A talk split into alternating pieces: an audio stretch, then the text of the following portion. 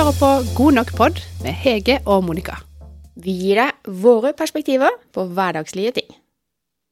Du sitter bare og smiler, du. Ja, jeg gjør det. Velkommen! Skal jeg si takk? Tusen takk. Ja. ja, hvorfor ikke? Ja. Yes. Eh, tida Tida, den går fort. Å, gjør det. Det er plutselig 14 dager siden sist. Ja. Den er veldig deilig å være Men du har jo vært ute og reist. Jeg har jo vært i Nordens Paris, Fortell. Tromsø. Ja. Nei, fortell og fortell. Eh, Vi skulle ha sommerfest med jobb. ja.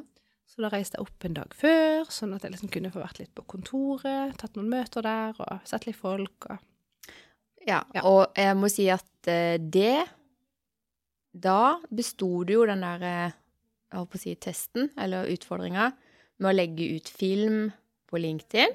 Nå har jeg lagt ut film. Det har du. Vet du hva det flaueste med det var? For jeg, altså Men var det to? For det var én Ja, film på utsida. ja, for jeg lagde en film, holdt jeg på å si, der eh, André, min kollega, han eh, filma, Ja. og så snakka jeg. Ja.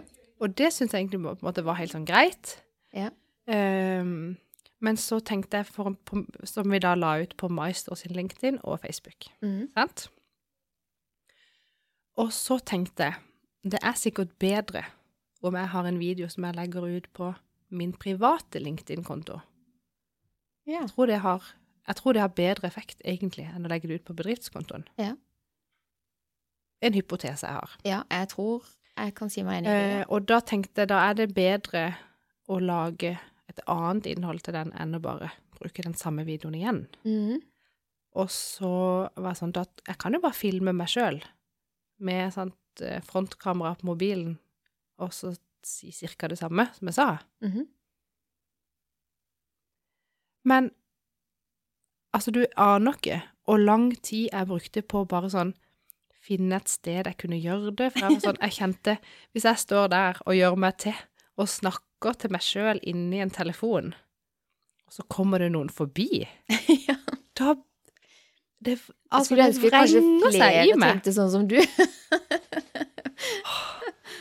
Så flaut. Eh, og, så, og så sa jeg det til Kristina, og noe sånt, ja. Og hun bare sa, ja, men du kan jo bare gå inn på eller skulle, ja, jeg, jeg tror jeg klagde på dette til mange. Men noen sa iallfall ja, men du kan bare gå inn på sånn stillerom der og der. Og, men sånn, da er det jo sånn, sånn dølt rom med sånn, ingen akustikk og liksom kjipe vegger og bare sånn ja, ja, jeg kan jo det. Men da blir det jo litt sånn kjipfilm. Det er jo bedre hvis det liksom Akkurat nå så husker jo ikke settinga bak deg. Jeg husker Nei, men jeg tror iallfall det var en plante nå, skjønner du, at det Ja, okay. så ut som ja. et At ikke det så At det var sånn koselig. Ja, det så litt koselig ut. ja. Men til slutt så fikk jeg manna meg opp, Kvinnen meg opp. eh, eller kvinna meg opp, eller tatt motet til meg, og filma. Det er gøy. Så kom daglig leder forbi. Hva 'Står du her?' 'Ja, jeg skal bare lage en film'. Har ikke du Ja. fått ansvar for sånne innhold og litt forskjellig? Jo da, og de applauderer og syns jeg er så flink. Ja. Men det er jo like flaut. Men jeg tror det handler om bare å gjøre det litt. Ja.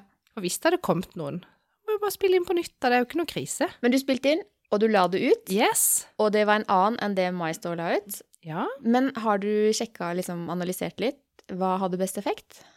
Du, øh, det var altså flest påmeldinger via mitt innlegg. For det jeg sa på filmen, for det er jo ikke dere som lytter og sett, selvfølgelig, Nei. kanskje ikke, um, det var at jeg skulle ha et webinar som jeg holdt i går. Ja. Så det var påmelding da til dette webinaret. Det var veldig viktig å komme på jobb. Jeg hadde, var så sprekkferdig. Jeg hadde bare lyst til inn på kontoret ditt og si hallo. Og så ble jeg bare møtt med sånn plakat. Webinar pågår. Stay away! Det var da jeg kom på at å ja, det var det jeg egentlig burde ha meldt meg på. Ja. Ja, ja. Men hvis du var på mitt forrige webinar, eh, som ikke var et webinar, men som var det der nettverksgreien, nettverksgreiene, vet du. Nei, jeg var jo ikke det heller. Å nei, Nå- jeg sa ganske mye det samme. Nå syns jeg du eh, Ja, nå legger du ut uh, negativ Men hvis ikke du bryr deg om å selge mer i nettbutikken, så er det klart du kan jo bare droppe det. Ah. Men du kan få sånn private Ja, session. yes.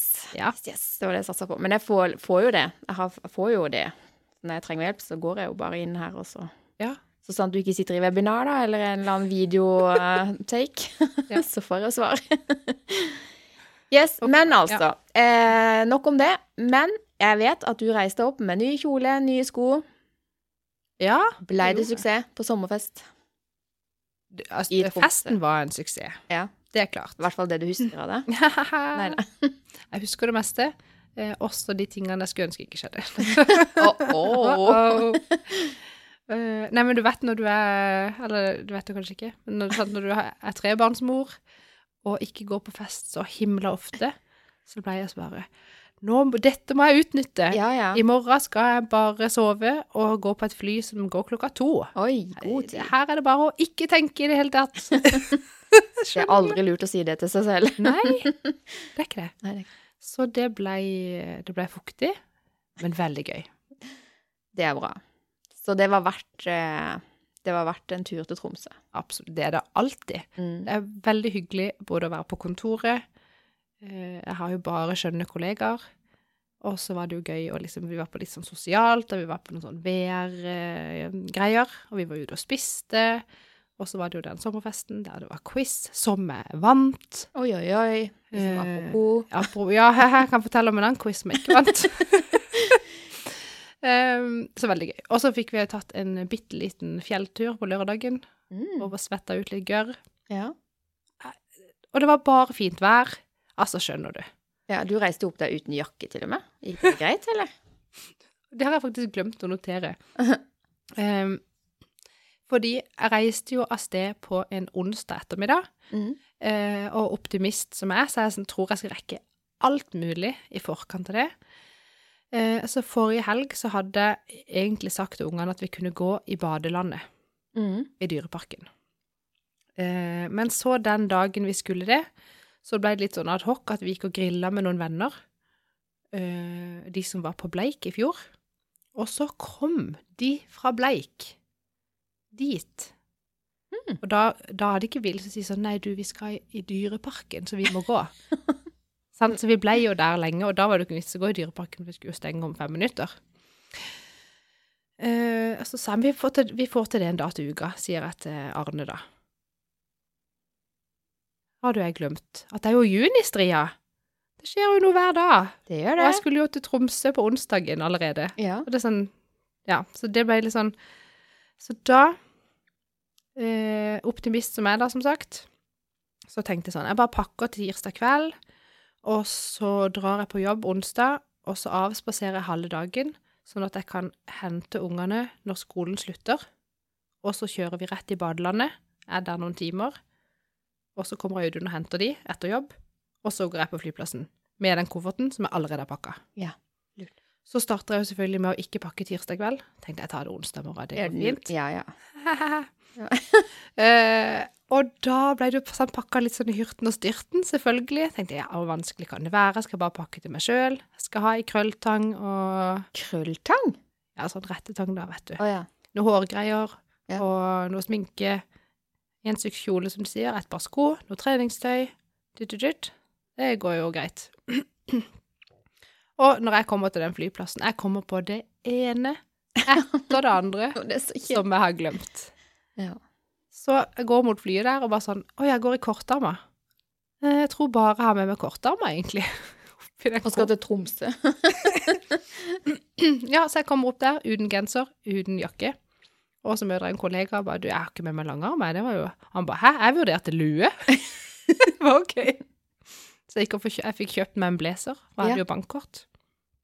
Ikke sant? Har man med seg bankkort? Hårbørste Ikke bankkort, men men Bangkok. Sorry. Jeg hadde glemt hårbørste, eh, mobillader, eh, ja, hva mer? Hårspray. Altså, det var, det var It goes on. Bok. Bok fikk du kjøpt. Så det der bankkortet, det fikk jo kjørt seg. Ja. Men turen var vellykka, været var fint. Eh, mor har vært på vift og kost seg.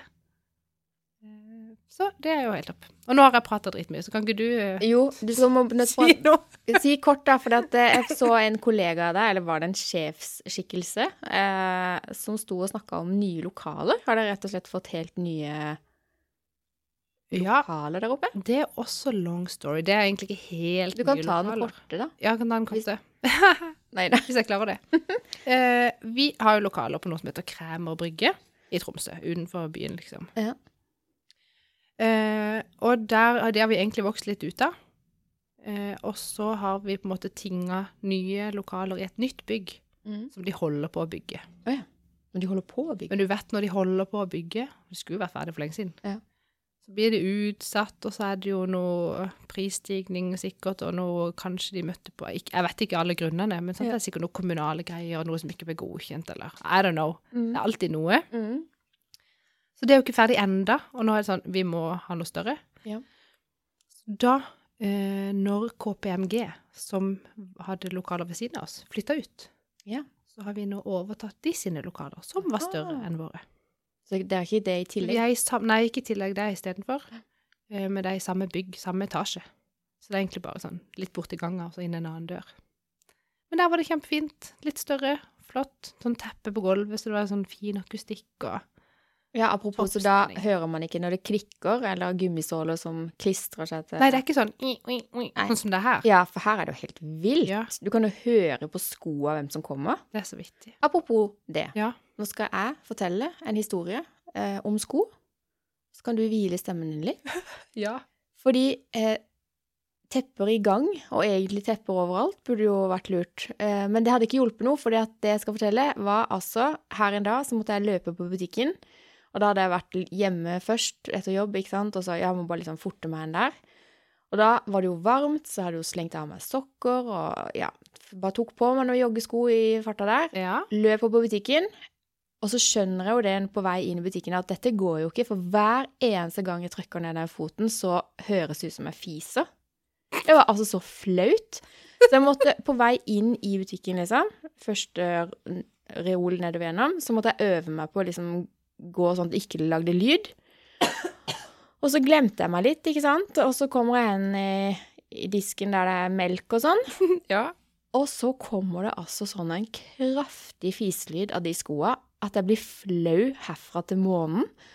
Og så kikker jeg sånn halvveis blygt opp og ser rett i fjeset på ei dame der, og jeg kan ikke huske åssen hun så ut. Altså sånn, jeg har bare glemt alt og fortrengt alt det der. Men jeg har lært én ting av det der, at eh, jeg skal aldri gå uten sokker i sko. Eh, for det er bare Det var du liksom altså sa, så du, du, følte ikke at du måtte si til henne at det er bare skoene mine, jeg har ikke sokker på, skjønner. Alle de tankene kom når jeg hadde gått forbi henne, og så tenkte jeg sånn Hvorfor sa, hvorfor sa de ikke Nå går hun og tror at jeg er feis, liksom. Og så var det skoen min, skjønner du. Det er så mye sånn der burde, burde, burde. Eh, alle de glupe kommentarene òg. Helt fram til kassa så hadde jeg hadde altså bygd meg opp så mye kule kommentarer jeg kunne sagt, skjønner du. Nei da. De uteble fullstendig. Så, men eh, her på jobb har jeg sokker i skoa. Eh, men her kunne de med fordel hatt noen tepper i gangen. Ja, for her er det knirk, knirk. Ja, alle sånne gummisåler hører er Nesten da jeg går gjennom ganga her med joggesko, så er det sånn oi, oi, oi, oi. Men du kan jo høre hvem som kommer, da. Det er gøy, det. Ja, det er Det er lett å høre hvem som kommer, ut fra hvilke sko og type gange. Noen subber litt. ja. Noen Ja, skjønner du? Det er greit å følge med på, kanskje. Ja, det er litt. Men jeg hadde eh, en ei på besøk her en gang som sa ehm, hva var- åssen- jeg- Nei, det var, nå ble det kanskje litt dumt. Men hun hadde iallfall sånn humor på For du vet liksom i Hakebakkskogen Ja. det er jo sånne kaker som smaker surt. Ja. De har du stjålet. Og de som smaker søtt, de er ærlig kjøpt er ærlig og redelig, eller noe sånt. ja. Eh, og hun sa det at eh, når, hvis sko som knirker, da har du stjålet de. Det hadde jeg ikke, altså. Men de knirker jo ikke, de har Jeg har betalt til dyredommere. Det Ja. hjelper ingenting. Nei, fy søren og flaut. Ja. Uh, ja. Nei. Men det er ikke gøy at noen kan få seg en latter? Litt Jeg tok ikke de jeg tok... kan, ja, Hun kan sikkert fortelle det, vet du, hjemme. Vet du hva som skjedde i dag i melkedisken? Jeg forsto det sånn på blikket hennes at det der var ikke morsomt. Skjønner du? Å nei. Sånn gjør man jo bare ikke. Og i hvert fall ikke i en matbutikk, skjønner du? Så jeg fikk sånn der følelsen at nå, hvis et blikk kunne drepe, liksom Nei, det var ikke så ille. Men eh, du skjønner tegninga? At det var, det var ikke noe humor. Kanskje hun var redd for at det var hun? Det var ikke noe humor i det blikket der. Men Kanskje hun trodde det var hun sjøl som hadde gjort det? Å, helt, jeg var helt vettaskremt. Å, herre mann. Jeg fy søren og flaut. Så, men jeg har lært. Eh, noen sko, altså. Det er livsfarlig. Det er det jo ikke. Vi hopper til neste tema. Ja. Hvor det ikke er så flaut. Eh, men jeg kan fortsette med noe matvarekjede. ja. Fordi, Fordi? Eh, det var en sak jeg så her en dag på Facebook. Det er jo der jeg får med meg ting. Og LinkedIn. LinkedIn og Facebook. Ja. Um, så var det en sak, og jeg tror det var uh, med han eh, Jeg vet ikke om det er bare én person, eller om det er et selskap, men iallfall Gjerrig Knarken. ja. Som er sånn veldig sånn skal finne det billigste Ja, ja, overalt dele det og sånn. Så, hadde, så hadde de da, uh, i samarbeid med et eller annet, det er ikke så relevant, Mm. lagd en sak hvor de liksom hadde eh, over, en, over en periode sjekka liksom prisforskjellen på eh, type sånn, sånn Coop og Eldorado og Rema 1000 sine egne merker Ja. på liksom tilsvarende produkter som andre merkevarer. Si for eksempel havregryn, da. Ja. Liksom Bjørns, eller hva det heter, havregryn. Ja. Og Coop havregryn, og så videre. ja, så både original og liksom Ja. Og så hadde de da en teori om at ehm, at matvarekjedene på en måte først presenterer sin merkevare som noe, et billig alternativ, like godt, men billig, Ja. for at når vi da begynner å kjøpe mye av det, så kan de fase ut det som vi da ikke kjøper, Ja. og så deretter skru opp prisen Å ja, ikke sant. Luringa. Og den mat... Altså det som de sjøl lager. Det er sitt eget label, liksom? Ja, for Mhm. det, og det har jeg sett faktisk noen ganger, at du liksom Du bare tror at fordi det står ekstra eller Coop eller At det er billigere? at det er billigere uten at du nødvendigvis ser på kiloprisen. Mm. Sant? Jeg er blitt helt sløv. Jeg bare- skal så på kiloprisen. Ja, jeg er jo blitt, eh, jeg er jo blitt min mor. På mange måter, egentlig. Eh, det tenkte jeg på når jeg gikk med den kjolen som jeg kjøpte i Tromsø. Så var jeg sånn Nå har jeg blitt mamma? Det er sånn, Jeg kjøper ikke det som er sånn nødvendigvis den som jeg mener at den er absolutt den fineste. Eh, jeg bare tar den som var fjorårets modell, som er på tilbud. Skjønner du? Det er veldig vittig. Ja, Men eh, Tilbake til mat. tilbake til maten. Um, og sånn, det er poenget sånn, Ingen liker å bli lurt. Nei. Det er jo kanskje det det kanskje bunner sånn mest i. Ja. Men det som jeg da stusser så himla over, det er alle de der som begynner å engasjere seg i kommentarfeltet På Facebook, ja. på Facebook. For da hadde de eh, dratt fram en potetsalat som et eksempel i denne artikkelen. Mm. Eh, og så liksom begynner den ene eh, å skrive sånn derre Du kan jo bare lage potetsalaten selv, det er jo mye bedre. Å, herregud. Ja. Så sånn, ja, ja, det kan man, men det har jo ikke noe med denne saken å gjøre. Og det er jo ikke sånn at, at den personen da er et nettroll i den forstand. Nei, det er bare... Men allikevel sånn, hvorfor skriver du det? Ja. Men det er ikke nok med det. Da hiver folk seg på. Ja, men du får jo uansett ikke tak i gode poteter lenger. Nei. Så dette går jo heller ikke. Og- Og så kommer det ei tredje. Jeg kjøper mine poteter økologisk, lokalt. Det blir veldig god potetsalat. Og så kommer den fjerde. Hvis dere syns det er så dyrt i Norge, hvorfor flytter dere ikke bare til Sverige? ja, kjempelurt. Og så kommer den femte. Ja, men du vet at matprisen i Sverige har jo økt veldig nå. Det er ikke billig der heller lenger. Er sånn. De prøver bare å gjøre oss bevisst På på merkevarer. Å, Ikke om du skal flytte til Sverige eller ikke. Ja, men hvis det er Hvorfor er folk sånn? bedre poteter der, så bør jo alle vurdere det. Det er Jeg greit. sitter jeg, jeg vet ikke om jeg skal le eller grine, men noen ganger har jeg lyst til å putte på sånne her Det gøyeste er at latter-emoji, faktisk vil vi leser det. Ja, men, Vi men det er jo underholdning, ja, på en måte. Faktisk, det er jo det. Men de, de sier jo bare sånn De roper jo ut til hele Norge 'Hei, jeg er dum'. Det er jo det de gjør. ja. Ja. Nei, nei jeg, blir, jeg blir så forundra at jeg vet ikke hvor jeg skal gjøre av meg. Men eh, det er ikke så lenge siden for, eh, Som sagt, jeg har blitt litt gjerrig, men det er fordi alt er blitt så sykt dyrt. Jeg vet det, da. det. Eh, så jeg liksom sånn, nå går jeg og kikker på pris her og der. Og så det er ikke Av og til så vinner liksom eh, min kjennskap til smak over pris. Riktig. For av og til så tenker jeg nei, vet du hva, det der har jeg kanskje smakt i en eller annen sammenheng, og det er verdt de to kronene ekstra, f.eks. Men eh, jeg ville jo trodd kanskje at når man går på Man kan si navn. Coop Extra handler jo jeg mye på. Ja. Eh, og der liksom grabber jeg til meg sånn ekstra ris eller sånn. Eh, for det er jo de sin egen merke. Og så tenkte jeg, men la meg bare sjekke, liksom. Er det egentlig rimeligere? Men nei da. Det var mye dyrere ja, enn Toro sin eh, basmati-ris, eller hva det søren heter for noe. Og da tenkte jeg bare, men i alle dager da, nå må jeg jo i hvert fall følge med, for jeg tar jo for gitt at de sine egne varemerker er rimeligere, at det er liksom hovedårsaken til at de har det. Ja, det, der, det har de satsa pengene sine på. Ja. Hilsen Jerry Knaken. Luringer. Ja. Så, men de lurer altså ikke meg. Nei. Og i går så var det et gøy valg, fordi i dag så har vi hatt eh, minimesse hos Solar i Kristiansand. Det vil si, Hva er en minimesse? Minimesse det er egentlig bare en liten messe som vi har, hvor vi viser produktene våre ute hos en elektrogrossist eller en forhandler, Ja. eh, hvor vi liksom i vår egen på å si kropp og sjel viser oss og produktene. Og i dag var det da Rolf som skulle til pers. Eh, men de gutta på Solar, de er gøye. Det kan godt være det var noen jenter der òg, men de så jeg ikke. Eh, men de har grill.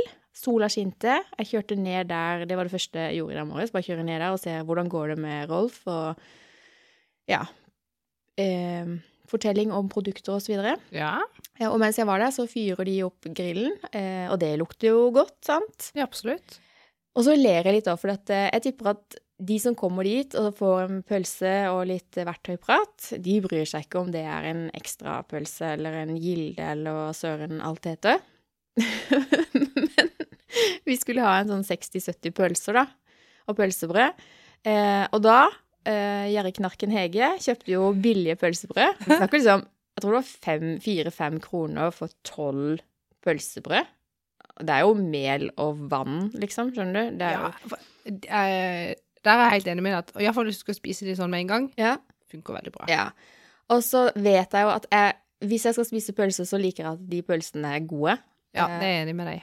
Men når ikke jeg skal spise de sjøl, så er jeg ikke så nøye.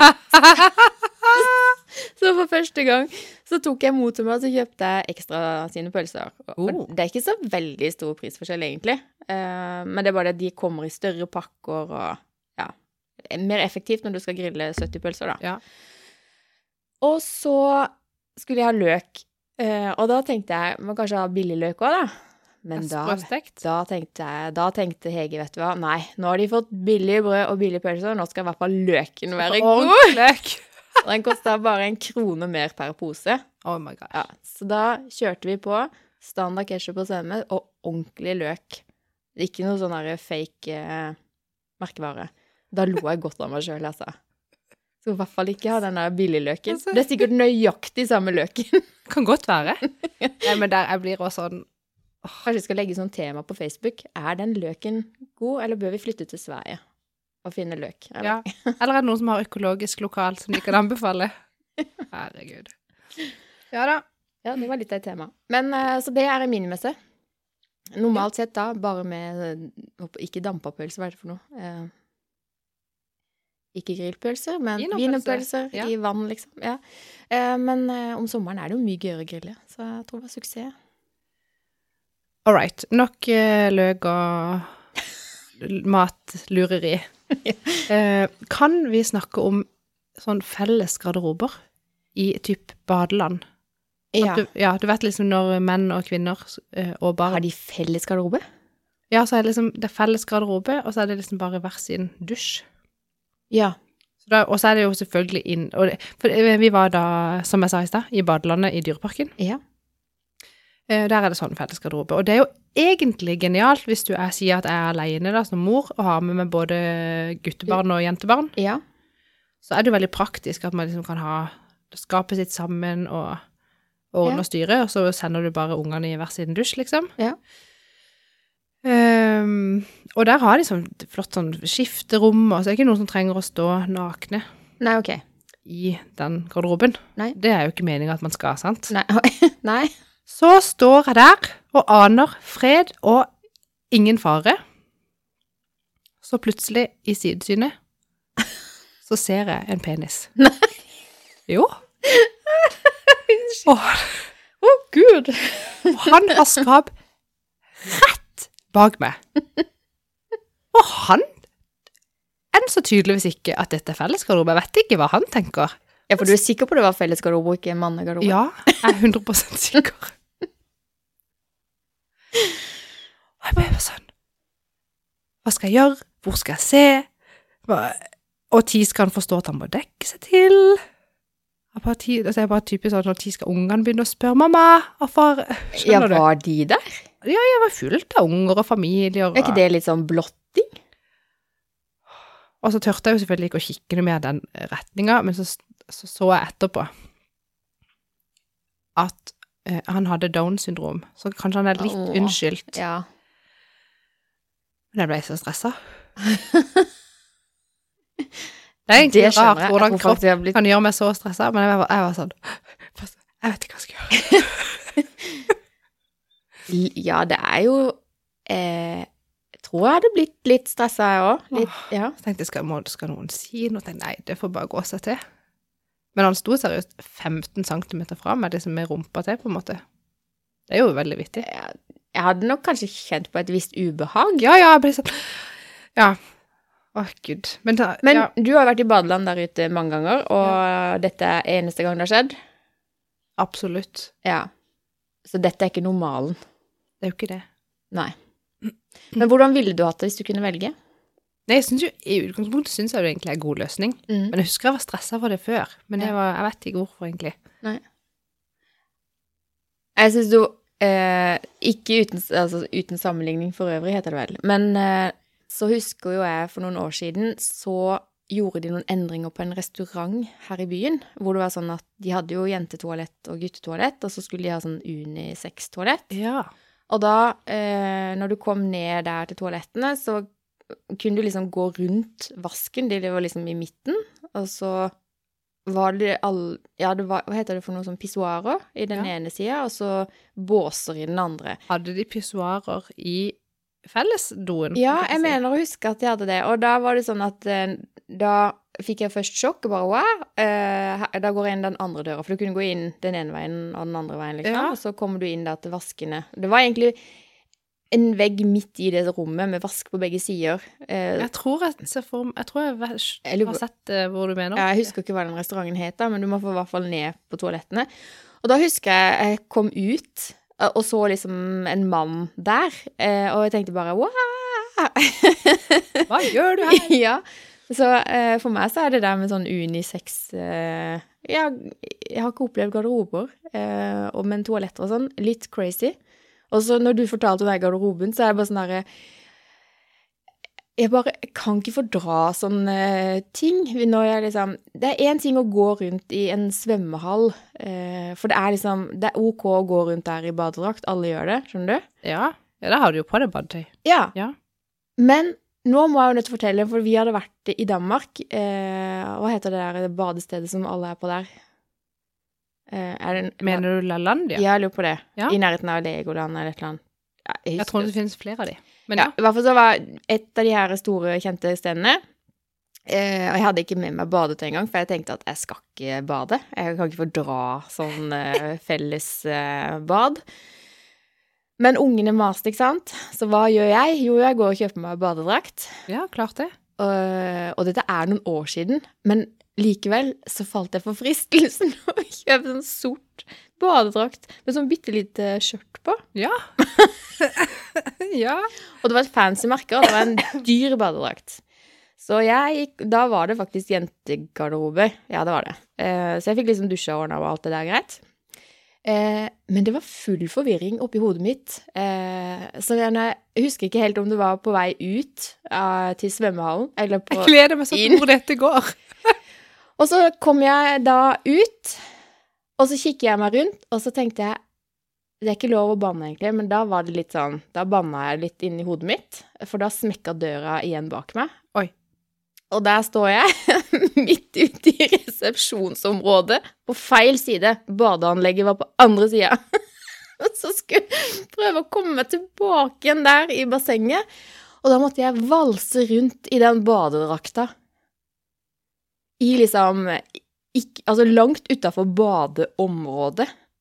Eh, og det var altså så pinlig, Monica. Altså, det er så mange sånne episoder i livet mitt som bare Det er ingenting som frister med sånn der badeopplevelse. Jeg hadde håpet at du skulle si sånn At jeg gikk inn på guttegarderoben. Nei da.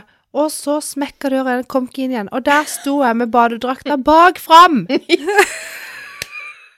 OK, Men jeg, jeg, lærdom. Det kunne vært verre. som de sier på Kompani Lauritzen, kan alltid bli verre. Det var sikkert. Men det var så pinlig. Jeg, jeg forstår det, at det er Men det var så sykt mange ganger. der. Det var rød og grønn og gul og bla, bla, bla. Og jeg huska jo ikke hvor jeg skulle, og hvor hvilken dør jeg kom ut. Det var helt krise. Ja, jeg, og jeg har ikke retningssans heller, så hvis jeg da ikke er kjent, så vet jeg ikke hvor jeg skal gå. og så, nei. Nei.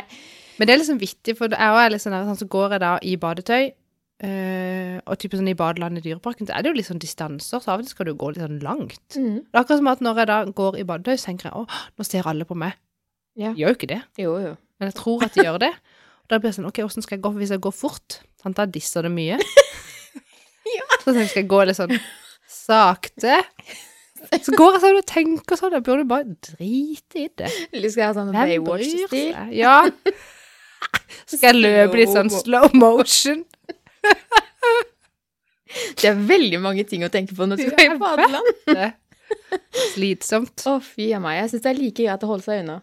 Ja, men jeg, jeg syns jo sånn sklier og sånn vanskeligere Det er sykt gøy. Jeg elsker det. Er det sant? Ungene mine, not so much. Så er jeg sånn, kom igjen da, Det- bli med, bli med. Tvinger de med. Det er kjempegøy. Oi. Ja ja, så Ja, du er liksom eh, pådriveren der, ja. Så gøy. Ja, syns òg det er veldig gøy. Karuseller og berg-og-dal-baner og sånn. Ja. Dritgøy. Det skal jeg sikkert få oppleve nå. Vi er Og vi eh, Vi får spandert på en tur Spandert på oss. Svigerfar og svigermor spanderer tur til Danmark. Å, det er deilig! Og for første gang noensinne så skal jeg altså pakke og reise, og jeg vet ikke hvor jeg skal. Jeg vet at jeg skal til Danmark. Og Rolf Er det digg, eller er det ubehagelig? Nei, og Rolf har sagt at uh, han har sagt navnet på det stedet. Han vet ikke helt hvor i Danmark, for han har jo ikke geografisk uh... For det er på vestkysten et sted. Altså, du vet det? Ja, han sa til meg hvor det var. Ja. Eller hva det het, så googla jeg. ja for, for det altså, har jeg spurt han liksom eh, 40 ganger om han kan bare sende meg den linken, så jeg får se hytta. Men i går så tok han telefonen, og så viste han meg på telefonen sånn hytta så ut og sånn. Og det ser superfint ut. Aner fortsatt ikke hvor det er. Men det er visst nytt og pent og flott. Er det flott. basseng og ja, sånn? basseng og Oh! Ja. Nei, jeg skal ikke bade. jeg skal gå Nei.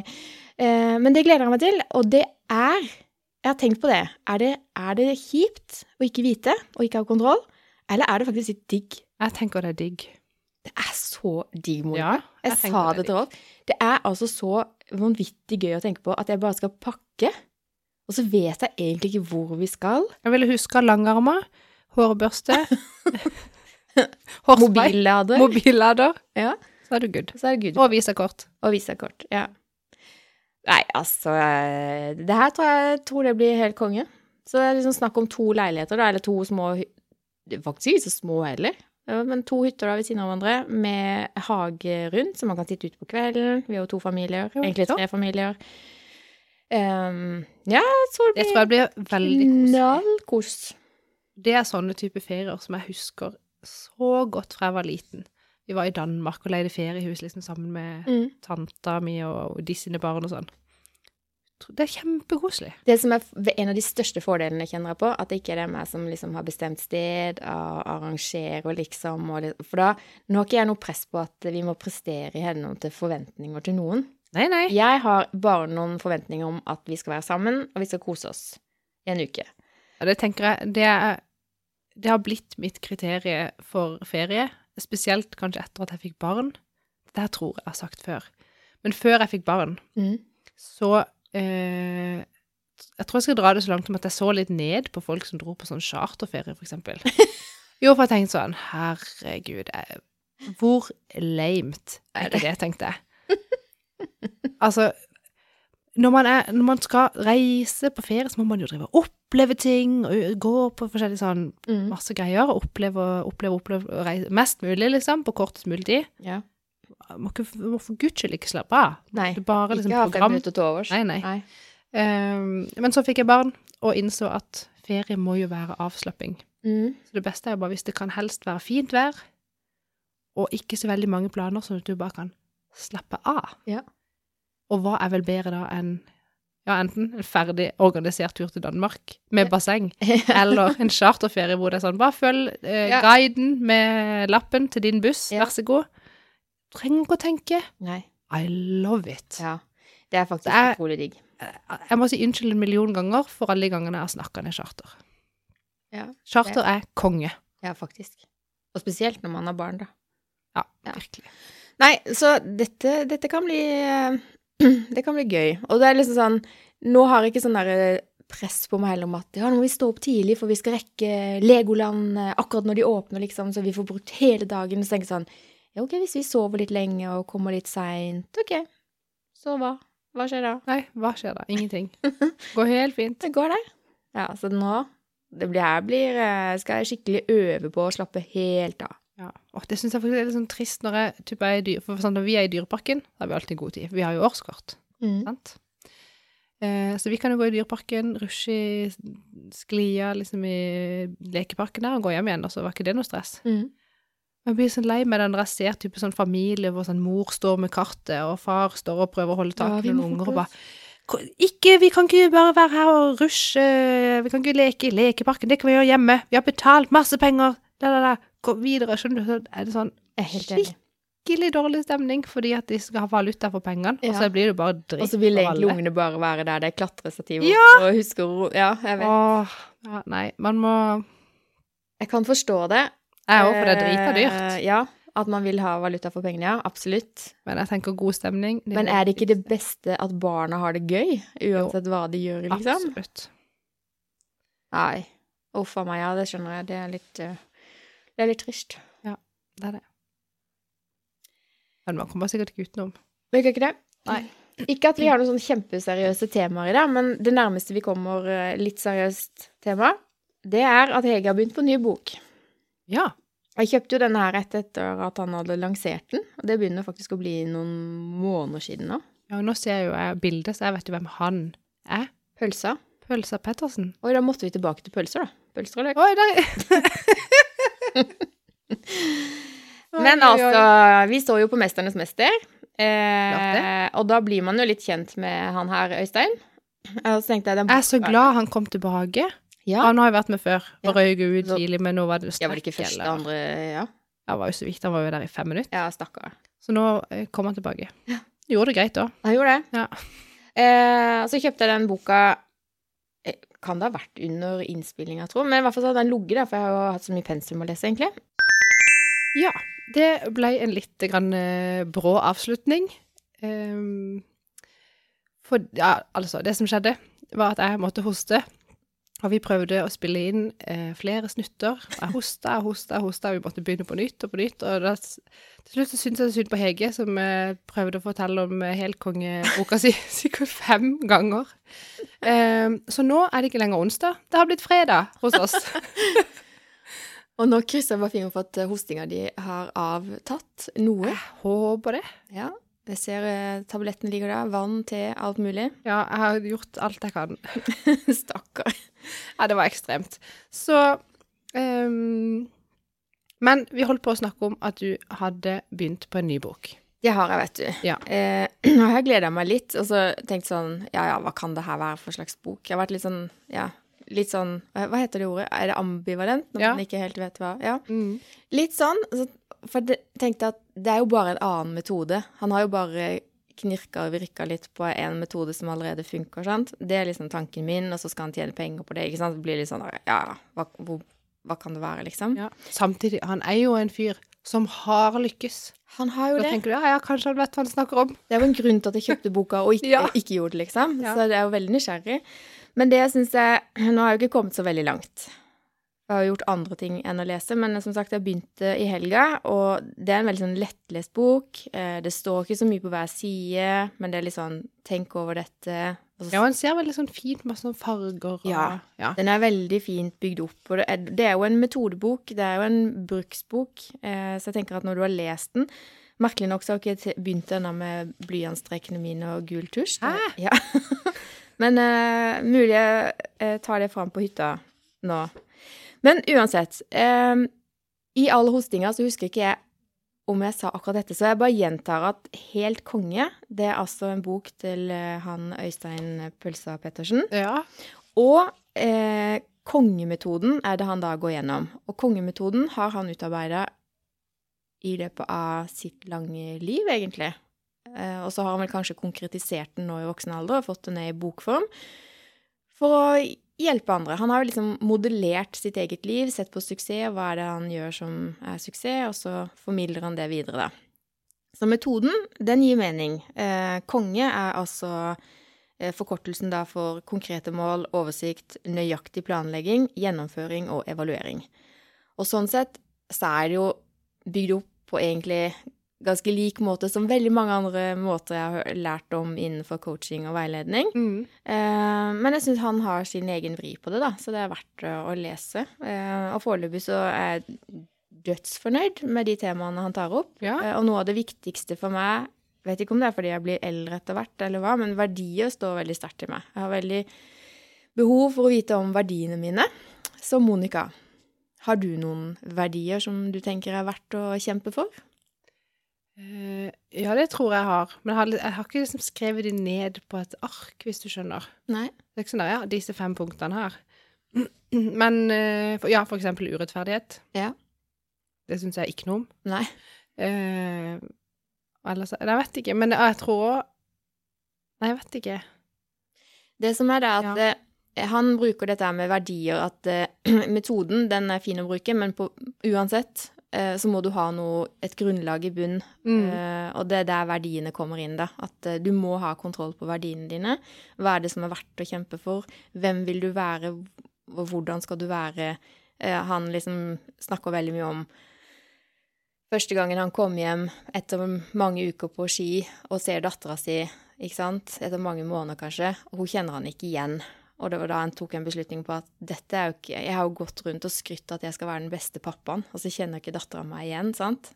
Ja. Ja. Og den svir litt. Den svir litt. Og, og det eh, danner litt sånn grunnlaget for hvorfor han tenker at dette er viktig, da, å få så kontroll på verdiene og Mm. leve i tråd med verdiene sine. Han levde jo ikke i tråd med verdiene sine. Verdien hans var å være en god pappa, og han var jo ikke til stede, sant? Eh, så det handler eh, foreløpig veldig mye om disse konfliktene som skjer fordi man ikke har kontroll på verdiene sine, og fordi man ikke faktisk lever etter de, da. Og da kan du sikkert tenke sånn Hvis du står i en konflikt, da, enten om det er med kanskje ikke barnet din, men mannen din, eller på jobb, eller et eller annet, Mm. så handler det veldig ofte om at dere har forskjellige verdigrunnlag. Kanskje en felles hensikt og målsetning, men verdiene som gjør eh, veien deres, da, er veldig forskjellige, og da havner man ofte i en konflikt. Så det som er litt viktig, er at man finner Hvis man syns det er vanskelig å finne verdiene sine, så kan man av og til tenke sånn Hva er det som gjør at jeg kommer i konflikt? Eller når var jeg i konflikt sist, og hva var det for noe? Hva grunna det i? For det, Mm. det er ofte når du Hvis du skal leite etter verdiene dine, så hva er det som gjør deg skikkelig sint? Urettferdighet. Da er kanskje rettferdighet verdien din, sant? Mm. Så da er det litt lettere kanskje å altså, kartlegge verdiene, da. Det var et godt tips. Ja, for dette, når du sier det sånn, tenker jeg jeg har kanskje ikke kontroll på verdiene mine, selv om jeg har noen. Mm. Innenfor veiledning nå, så jobba vi litt med nettopp å kartlegge verdier, da. Um, og da, har, da brukte vi et sånn kartleggingsskjema uh, med flere kolonner. Uh, og den ene kolonnen da, så skriver vi ned verdiene som vi tror eller håper og ønsker å ha. Mm. uh, og så gir vi dem en karakter fra 1 til 10. Og så i neste kolonne så gir vi det en karakter på hva man ønsker at det skal være. Ja. Altså, ja, og så eh, har man, lager man seg en tidsfrist. At eh, i løpet av 2022 nå, altså innen, eh, innen utgangen av 31.12., så skal jeg ha fått balanse i livet, eksempel. Jeg hører jo at dette her sikkert er en relativt krevende øvelse, fordi eh, da man må jo være ekstremt ærlig med seg sjøl. Veldig. Og kanskje da jo lenger, jo flere år du har levd borte, altså ikke i tråd med verdien din, så eh, tipper jeg bare at da blir det veldig vondt å innrømme Mm. at du ikke har gjort det. Skjønner du? Ja. Ja. ja så jeg, jeg, tror, jeg tror det er derfor at ikke alle mennesker kommer dit. Jeg tror det. Og så er det Nei, det er kjempevanskelig, egentlig. Eh, og verdier forandrer seg jo. Du hadde garantert noen helt andre verdier når du var ung og gikk på skole, og så fikk du barn, eh, og så endrer verdiene seg veldig. Det blir mye mer sånn familiært og hva er viktig for familien og beskyttelse og Skjønner du? At verdiene Ja. endrer seg jo litt av eh, med hensyn til eh, livet du lever. Eh, Samtidig så er jo noen veldig sånn idealistiske og har med seg noen verdier omtrent fra fødsel til de dør, eh, som de står på barrikadene, liksom. Ja, da blir jeg litt impressed. Ja. Eller Jeg syns at de er litt sånn oh my gosh. Men jeg tenker eh, Nå jobber jo jeg litt med gründere. Jeg er jo så heldig å være mentor i dette Gründer Academy. Og da eh, gjør jeg et forsøk på å formidle hvor viktig dette her med verdier er. fordi hvis du skal bygge opp et selskap, da, eh, og du har kommet i en situasjon hvor noen verdier står veldig sterkt for deg, eh, så bør du faktisk ha gjort deg opp noen tanker om hvem vil du ha med på laget? Vil du ha med noen som utfordrer de verdiene?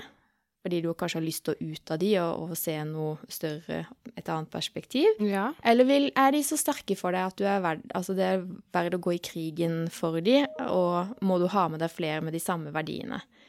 For konflikter oppstår, og da er det veldig ok å vite hvilke verdier har jeg, og hvorfor oppstår denne konflikten? Jo, fordi han eller hun i motparten har et annet sett med verdier. Og så handler det liksom om å bli kjent med det. Og det er jo ikke uten grunn at nesten ethvert selskap der ute har noen verdier. Altså de har en visjon, misjon eh, og noen verdier i grunn mm. eh, som danner liksom ja, grunnlaget i forretningsplan, forretningsstrategi, modellen, sant.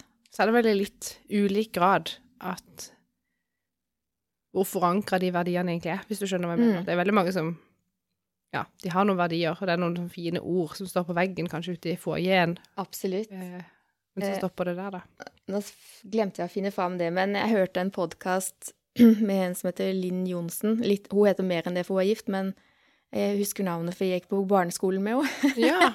men hun jobber nå innenfor HR i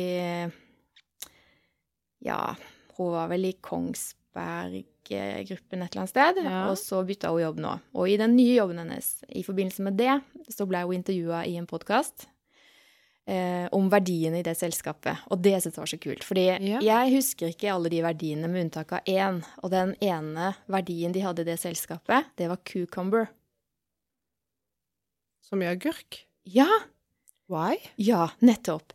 Og det har med å gjøre at eh, når de kom inn der og skulle begynne denne strategien med å finne liksom, felles verdier for eh, kulturbygging, da, ja. eh, så, så ikke sant, typisk eh, Jeg bare ser for meg nå, jeg husker ikke helt hva hun sa, men jeg bare ser for meg masse Post-It-lapper på en vegg, ikke sant, alle kommer med forslag, og så skal det her kokes ned til noe.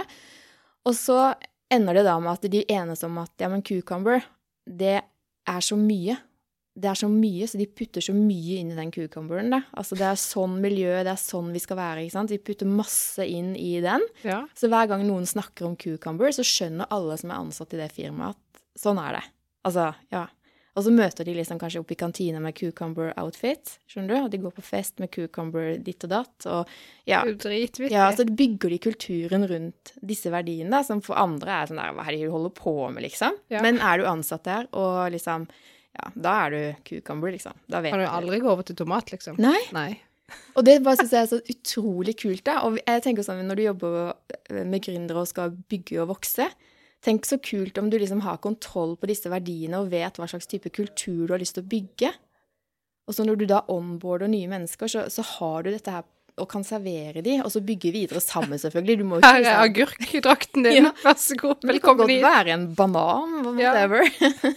Ja. men det er jo kjempegøy. Jeg er sikker på det at hvis du skal sammenfatte alt det gøye som skjer i Meister, så kunne du kanskje pakka det inn i en frukt eller grønnsak eller whatever, liksom. Helt sikkert. Et bilmerke, et ja. eller annet. Men bare liksom sånn Det er egentlig bare det kan like godt være, En verdi kan like godt være et uttrykk for noe som betyr noe for mange, eller for deg sjøl. Ja, som gir mening, da. Ja, for i Meister har vi eh, Vi har òg verdier. Jeg tror nesten jeg husker de òg. Iallfall ekte og modig. Og en til som jeg ikke husker. Men det som er at Ja, for vi òg har sånn Vi er ikke agurker, da. Men vi er liksom Vi har allikevel bygd en sånn slags klan eller gjeng eller familie, så vi heter Mystorians. Ikke sant? Vi som jobber der. Ja. Det Men det gir jo samhold. Ja. Jeg tror det er litt av det samme. At mm. man eh, når du, når du, går og kaller deg det, så vet du hva som er verdigrunnlaget bakenfor, liksom. Du kan ikke kalle deg det, og så Men jeg tipper at du går på jobb, og så er du liksom i balanse med de verdiene. Du handler i tråd med de verdiene som er på jobb. Jeg vet jo, fordi jeg har kjent deg lenge, at en av dine viktigste verdier i tillegg til rettferdighet er å være ekte. Ja, altså når jeg hørte det nå, så var det sånn Ja, det er jeg jo forresten. Ja. ja. Eh, og så sa du at Maestro hadde modig. Mm. Ja. Og det er jo, hvis jeg måtte kommet med forslag til verdier til deg, så er jo modig kanskje absolutt ett av de, liksom. At man kommer ikke videre i livet hvis ikke man tar noen sjanser. Og jeg vet at Ja. du ikke ser på deg sjøl kanskje som veldig modig, men for oss som er rundt deg, så er det bare sånn ah, Monica, typisk Monica, bare hoppe ut i noe sånt, skjønner du. Så kanskje Ja, har det- du Ja, og ikke at dette skulle handle om å snakke om meg, for så vidt. Jo Men jeg syns bare det er så humor når um, Jeg har hørt egentlig ganske mange ganger liksom, hvis noen skal snakke om meg, da sånn, Ja, Monica var så modig og kreativ. Jeg Ja. bare sånn «Øh, ja, ja, Kanskje jeg kan gå med på modig, men kreativ Jeg er jo copy-dronninga. Jeg bare, jeg henter inspirasjon fra alle mulige plasser, og så kanskje jeg bare styrer det sammen til noe. Altså, det er ikke sånn at jeg bare kopierer og retter av, selvfølgelig, men går jo bare på Pinterest og finner, finner masse greier, og så setter jeg det sammen til noe nytt. ja, Copy with pride, er noe som heter? Ja, jeg tenker så kreativ er jeg ikke. Jo, men altså, det skal jo være Det skal jo være en kreativitet i det, da. Å liksom faktisk hente alle disse forskjellige ting, og Ja, det faktisk pakke det sammen, og sette det pent sammen. Ha en Før viss- Ja? Før hosteepisoden din i går snakka vi om eh, at du nå har bestått eh, testen eh, på LinkedIn. Ja, det tror jeg. Ja, så Nei, det var bare med at jeg hadde spilt en film. For nå har jeg jo også lagd sånn karusell. ja, for karusell. det har jo du gjort nå Himla effektiv, mens vi hadde hostepause. Ja, så har jeg lagd karusell. Ja, nemlig. Fordi vi hadde Det var jo en slags eh, Hva heter det for noe? Eh, utfordring. Eh, at vi skulle være litt tøffere på LinkedIn og teste det her. Og nå testa du en karusell, og du valgte å legge inn et litt sånn bilde, dempa bilde av deg selv, på det første. Ja. Dritkult. Eh, fine slides. Og eh, bra tekst. Jeg syns det var sånn spot on. Og så tenkte jeg bare sånn, nå må folk med butikker altså at Ja. Våkne opp. Bare- Men de er kanskje ikke på LinkedIn, de som har de unnskyldningene der. Nei, altså Når jeg tenker meg om. Det var en helt fantastisk eh, liste med unnskyldninger. Men eh, nå har ikke jeg fulgt med på hvordan det har gått. Men eh, har du fått noe respons? Ja, for det har jo ikke gått sånn sykt bra. Så det er liksom noe av det som jeg sitter igjen med, at etter å ha brukt Nå så jeg ikke på klokka. Jeg har sikkert sittet i alle fall to timer og lagd de der slidesene. Ja, det tar Det litt har ganske lang tid. Iallfall når det er sånn første gang du gjør det, og du er bare sånn ah, 'Åssen mal skal jeg bruke? Hvilke farger skal jeg bruke?' mm. Um, ja, og så måtte jeg jo skrive den teksten, så når jeg var ferdig med det på da onsdag kveld, så var jo klokka sånn halv ett. Jeg bare nei, jeg kan ikke poste det halv ett på natta, det blir for dumt. Så jeg tar det i morgen tidlig, liksom, altså i går. Uh, men jeg, jeg vet ikke, jeg tror jeg har fått sånn elleve likes eller noe sånt. Ja. Så har jeg en trofast følger som kommenterer. Hun heter Hege, hun er veldig grei. ja, du hadde jo tagga meg, da. Ja, jeg tenkte sånn, hvis jeg blir tagga et innlegg, så, så, så tenker jeg at da er jeg forplikta til å både like i en eller annen form, og jeg skal bare kneppe noen knapper som har gått opp på magen her, Å ja, vi har ikke Eh, kamera her inne. Så. og, og kommentere. Ja. Eh, så kanskje du skulle ha tagga f.eks. Fredrik Fornes, da. Bare sånn, er dette godt nok, Fredrik? Ja, det kunne jeg gjort. På et eller annet tidspunkt egentlig så må gjort, vi burde du funnet en butikk som ikke hadde nettbutikk, som burde tagge de. Ja, eller noen som har vært der at de har vært i sånn masse unnskyldninger, og så har de lykkes. Eller Se det, ja. til. Ja. Og... Da kan du jo fremme en kunde, for eksempel. Kanskje det er tips eh, neste gang. Shit. Kanskje vi kan dele det på jobb og gjøre det, hvis vi sjekker med kunden først? Ja, ja det er kanskje lurt. Men det er aldri Altså, man må jo ikke spørre om lov for å skryte av noen. Nei. Jeg syns ikke det er Hvis jeg for eksempel hadde funnet opp igjen hun der som sa hun hadde ikke tid til å lage nettbutikk for hun skulle tørke støv i prøverommet, så kan det være hun hadde blitt sur for at jeg hadde hengt henne ut. Ja, men hvis hun hadde, hadde laga en nettbutikk, og nå gikk det Dritbra. Ja, da Altså kan det være hun hadde hatt, uh, kunne ledd av det. Det hadde jo bare vært annonsering. Ja, Ja. ja det er sant. Ja, det kan jeg ikke se noe galt i. Men uansett. Ja. Tilbake til verdier. Dette er kjempeviktig. Jeg brenner så for dette med verdikartlegging og verdicoaching og eh, jobbe med det som en sånn helt konkret ting i enhver strategiprosess, uansett om det er for din egen del. Eh, fordi eh, det her hadde jeg egentlig ikke tenkt å si, men nå skal jeg si det likevel. Jeg leverte jo en eksamensoppgave hvor tittelen var eh, 'Hvordan kan man ved hjelp av veiledning og coaching eh, hjelpe gründere til suksess'. Ja. Eh, og i den oppgaven så eh, hadde jeg jo intervjuet med et par gründere. Eh, Du var tilfeldigvis eh, en av de. Ja. Shocking.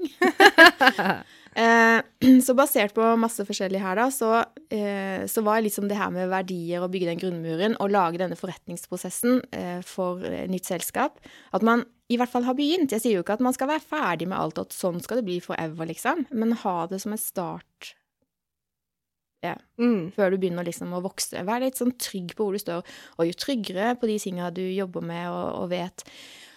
Og viktigst av alt, dette med rettesnor. Altså verdier er rettesnor. Og la oss si at du har et mål der fremme. Mm. Det er jo det han her, Øystein Puttersen, nå snakker om, at vi må ha et mål. Og så må vi være bevisste på, på livet vårt. Er det riktig tid å gjøre ditt? Er det nå vi skal gjøre datt? Og så videre. Og så, hvis man ser på mål der framme, som han eh, Og han som skrev O... Eh, nå står det helt stille for meg. Ja. Gi, meg, et hint. Ja eh, Han derre Oda-fyr eh, Ja, det kan være det samme. Ja. Det står bare helt stille. Men la oss si at du ser på målet som et fyrtårn der framme, da. Ja. Og så er du på vei i båten din, billedlig snakka, sant? Ja. Um, Jeg har båt. men så skjær, det er jo eh, skjær, det er vind, det er vær, det er sol, det er blikkstille. Det er masse eksterne ting som vi ikke kan forholde oss til, men Mm. likevel så er liksom målet der borte med det her fyrtårnet. Og da handler det om at hvor, hvilke valg skal man ta? Ok, nå er det blikkstille, skal vi bare kjøre på nå, eller skal vi stoppe og nyte? Sant? Eh, når det blir skikkelig drittvær, skal vi gi på da, eller skal vi eh, søke nødhavn? Altså, det er veldig, veldig mange beslutninger som skal tas hele veien mot mål.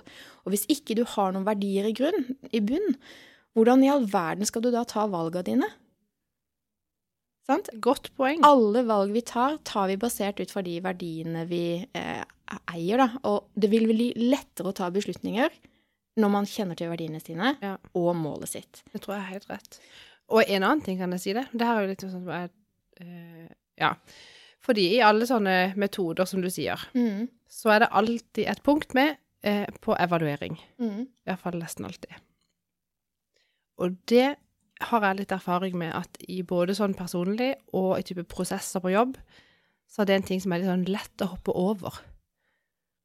Ja. At man tar med seg noen læringspunkter kanskje som er litt sånn um, Ikke nødvendigvis at man har jobba så mye med de.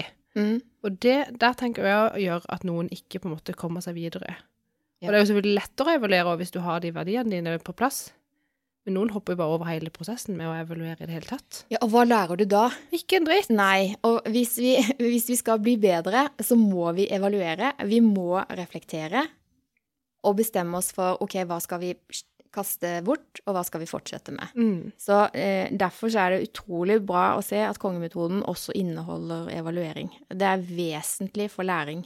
Jeg tror det. Jeg tror man må gjøre det veldig mye hyppigere enn det folk flest eh, gjør eller tror at det er nødvendig. da. Mm, absolutt. Jo lenger du har gjort noe, jo vanskeligere er det å innrømme at det kanskje ikke var så lurt.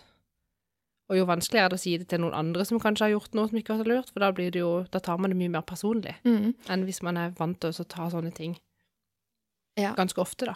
Og det er litt sånn, det snakka vi òg litt om på studiet, at eh, det er veldig forskjellig fra fagmiljø til fagmiljø. Innenfor helse og sikkerhet så er jo evaluering eh, og eh, refleksjoner over hva man gjorde og ikke må gjøre igjen, og avviksrapportering og fokus på hva som går feil og aldri må gjøre igjen, det er veldig sterkt innenfor helse, omsorg og sikkerhet, typisk. Ja. Eh, eh, mens kanskje ikke så mye innenfor nettbutikkbransjen. Å ja, det var kjipt, det gikk dårlig. Ok, da tar vi, gjør det litt annerledes neste gang. Det er litt mer sånn, ja Jeg vet ikke, jeg har ikke vært med på noe sånn evalueringsmøter. eh, Nei, og det, man burde jo gjøre det. Og det er jo fullt mulig, mm. for du har jo tonnevis med data og analyser og statistikk. Ja. Det er jo ikke mangel på det. Nei. Jeg vet at uh, når jeg jobba i Evry, når vi kjørte sånne leveranseprosjekter typisk, så, så evaluerte vi jo underveis at sånn her må vi ikke gjøre det, vi må utbedre. Uh, og så hadde vi noen sånn change-rutiner for at sånn her kan vi ikke gjøre det. Ja. Um, så jeg vet at det finnes, men jeg tror ikke det er så sykt mye fokus på det egentlig. Nei, jeg tror Men det er lett å glemme i en hektisk Ja. Men jeg tenker sånn at hver og en av oss bør kanskje eh, evaluere litt hvis man har gjort et eller annet ferdig prosjekt. Kanskje evaluere litt over det prosjektet, reflektere litt, og hvordan kan jeg gjøre det bedre neste gang? Mm. Da vil man komme videre. Og det kapitlet, som er liksom den siste, siste femte steget i boka, har jeg ikke lest da, men eh, jeg tipper jo at det handler om det. At eh, for å lære, så må du evaluere. Det er helt vesentlig. Mm. Så jeg gleder meg faktisk til å eh, få tid til å lese mer i den boka. Ja. Den så veldig fin ut. sove i går, da. Sov, sove bort oh, umanatta. ja, det har jeg hørt du ikke skal. Eh, han jeg prøvde å si navn på, han heter selvfølgelig Ingebrigt Sten Jensen. Han har skrevet boka 'Ona fyr', en fantastisk Ja. bok om kulturbygging og ja, verdibasert ledelse osv. Kult. Den ble skrevet for mange år siden.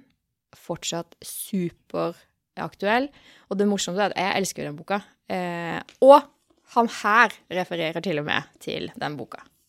Ja, det, ja. Så han her er Ingebrigt Sten Jensen. Han er en eh, frontfigur eh, på mye av disse tinga her innenfor ledelse og verdier og Jeg hører jeg har mye å ta igjen, holdt jeg på å si. Ja. Eller bare fortsett med. Altså, du, det er jo ikke Ja. sånn du står stille, liksom.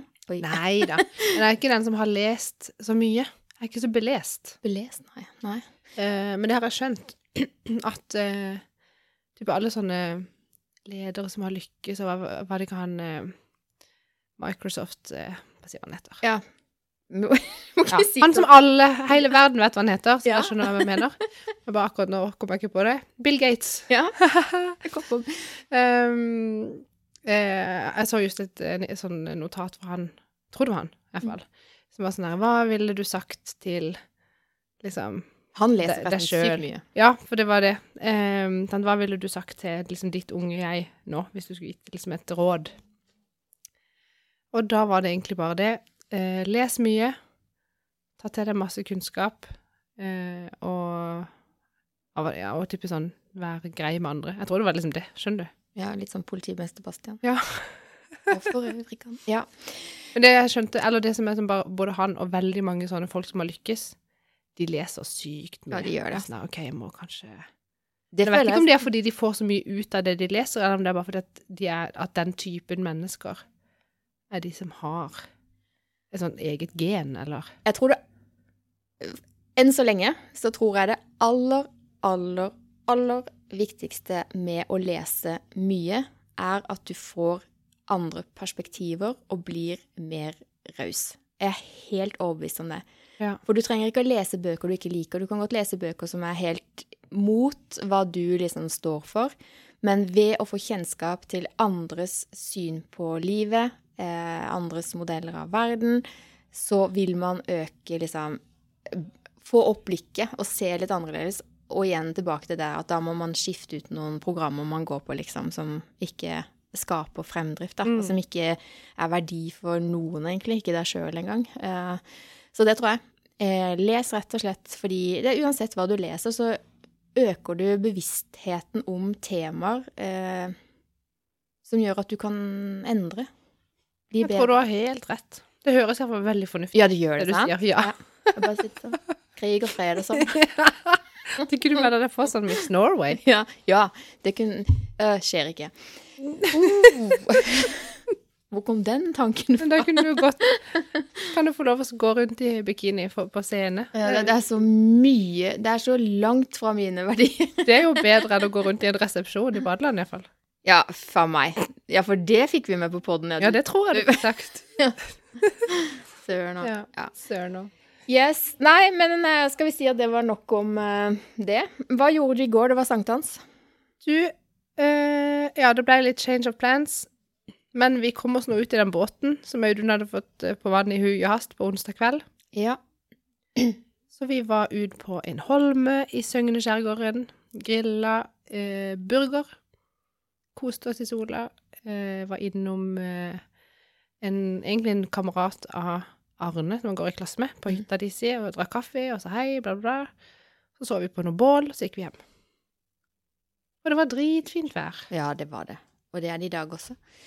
Hva tenker du om at uh, nå snur sola da, så nå går vi mot vinter? Det var første Audun sa i går. Åh, nå går det mot mørkere tider. Jeg bare, må du slutte? Jeg syns det er så gøy hvert år.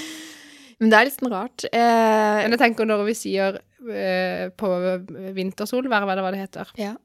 når vi da sier å, nå går det mot lysere tider, Ja. fortsatt dritlenge til det blir lyst. Så jeg tenker det er dritlenge til det blir mørkt. ja, det er jo det. Ja.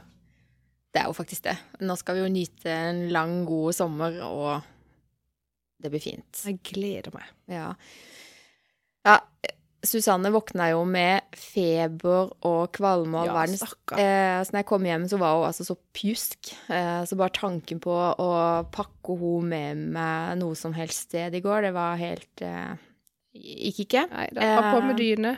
Ja, vi satt eh, Og vi kom jo litt seint hjem som vanlig, og så grilla vi og satt i hagestua og gjorde det så koselig som vi kunne.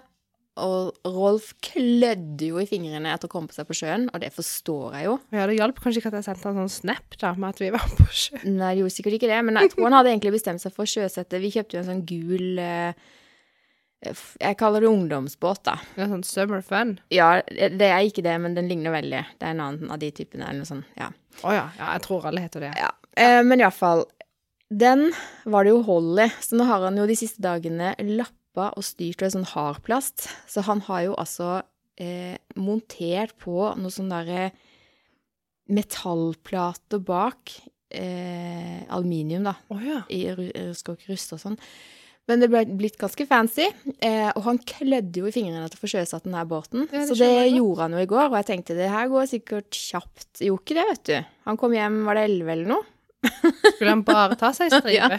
Og så hadde han jo bare møtt noen kjente. Det skal godt gjøres for han å ned i havna der uten å møte noen kjente, da. Ja. Så han hadde også havna ute på en øy på Borøya der og drukket litt kaffe og sånn før han kom hjem. Men det var i hvert fall én av oss som fikk eh, feira litt sankthans. Så jeg får bare se positivt på det. Koselig, det. Og eh, så var det finale i sommerhytta i går. På Og sankthans. Sa Ja. Sara og Ibrahim, de vant. Nå vet Kort du det. applaus. Ja.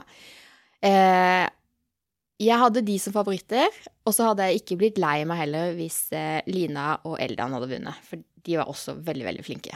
Egentlig så var alle veldig flinke, og det var en sånn fin gjeng. Det var åtte, fire par, da. Åtte Ja. stykker som var utrolig skjønne. Hvor var det disse hyttene lå i år, holdt jeg på å si? Eh, Opp, eh, ja, hva søren, hva heter det? Det er oppe i Glomma Å ja. eh, Men i alle Ja. dager, da. Hedmark, eller noe sånt? Nei, jeg vet ikke. Er det mulig? Ja, det er oppi der. Eh, Østland neste. Ja, Ja. Litt sånn østover. Kjempefint. Men i hvert fall, det som slår meg, at eh, for, for, Altså, jeg tror ikke bare de har vunnet liksom, på at de var gode på å snekre og finne riktige farger og sette seg altså, Men de som personer, de fikk liksom nabohammeren av. Alle naboene skal liksom evaluere og dele ut en hammer, og de fikk nabohammeren òg. Ja. Og- Det sier kanskje litt om at eh, de er bare sånne fantastiske mennesker. De har sikkert verdiene sine på plass. Ja, det tror jeg virkelig. Ja, men De snakka mye om det. Og hun bare sånn superskjønn. Selv når hun var sint og frustrert og litt overarbeida, så smilte hun, liksom. Og selvfølgelig så kan det være regissert. Eh, Men jeg tror ikke det. Jeg tror de fikk fram de, Så jeg ble glad når de vant. Ja. Virkelig gøy serie. Gleder meg til neste gang. Synd det er et år til. Ja. Elsker sånne programmer. Og så har jeg begynt å se Lykkeland. Det burde jeg ha sett for kjempelenge siden. Ja, for jeg skulle si, jeg har ikke sett det sjæl, men det er jo litt gammelt, ikke? Jo, men jeg tenkte det var på høy tid å finne ut av hvorfor alle kalte seg Anna på LinkedIn for en tid tilbake. Så tenkte jeg, la meg se det her, da. Og jeg skulle sett den serien før òg, så skulle jeg jo kalt meg Anna på LinkedIn. men eh, jeg har sett bare første sesong. Men eh, sesong to skal snart inntas. Kult. Ja, vi må egentlig finne noe nytt å se på, for nå sitter vi og ser på noe som jeg egentlig syns ikke er noe gøy. Ja. For vi hadde ikke noe å se på sammen, så var, gikk jeg bare inn på Google, bare sånn der eh, serieanbefaling Ja. til par, liksom. Ja. Og da var det sånn både P3 hadde en sånn liste med ting du kunne binge, eller hva det heter, ja. Um, under koronapandemien. Tenkte jeg ja, det må jo være noe greit. Mm. Og så var det en annen liste på Det var typ sånn mest Altså de, de mest populære seriene på Netflix. ja. Og da har vi begynt å se noe øh, sånn politigreier. Et eller annet 99. Jeg husker ikke hva det Det kom som et sjokk at det hadde noe med Ja, men jeg tenkte, for det er sånn som Vi tenker kanskje både meg og du kan synes det er litt gøy, da. Ja. Men det er så flåsete. Og da kjenner jeg når de sitter i sånn herre avhør sant, med en eller annen som har gjort noe dumt, ja. og liksom drar en vits og liksom er useriøse. Det blir sånn Nei, det er ikke humor, det er bare teit. Klarer ikke å like det, skjønner du? Så vittig. Jeg tenkte nå skal jeg bare finne eh... Der, ja. Serie til deg. Lykkevika. En svensk serie. Ligger på Viaplay. Det var det du så når jeg trodde du så på fucking Åmål. Ja, og Ja. det er litt sånn Det er selvfølgelig en politidame, da, eh, som flytter hjem til eh, stedet hun kom fra, bla, bla, bla. Ja. Eh, åh, superherlig serie. Den skal jeg sjekke. Ja. Tror du Audun kan like det? Ja, ja. ja. ja. Det er sånn, eh, det er sånn kjæreste. Drikk litt vin og kos deg. Det skal vi sjekke, fordi det der eh, bla, Det er vold, drap, kjærlighet, og det er liksom alt i en suppe. Konge. Ja. Og så er det svensk. Det er Eller svensk. Ja. Ja, for vi har jo sett alt det med hun eh, Åh, en sånn svensk eh, etterforsker som er litt hva ja. Hva heter hun? Ja, jeg ser eh, Ja, både hun der Norén, men det var ikke hun jeg tenkte på, egentlig. Nei. Ja, samme det. Jeg må bare Altså, den der Lykkeland, den norske serien, Ja, Pia Kjeltan, hun er bare helt rå. ja hun er helt rå. Jeg syns hun er så Hun er, hun er helt magisk, altså, i denne serien nå. At ikke vi kunne blitt litt sånn venn med Pia Tjelta og eh, Synnøve og Vanessa og Janne Formoe, og så vi to. Ja. Jo, naturlig match, det.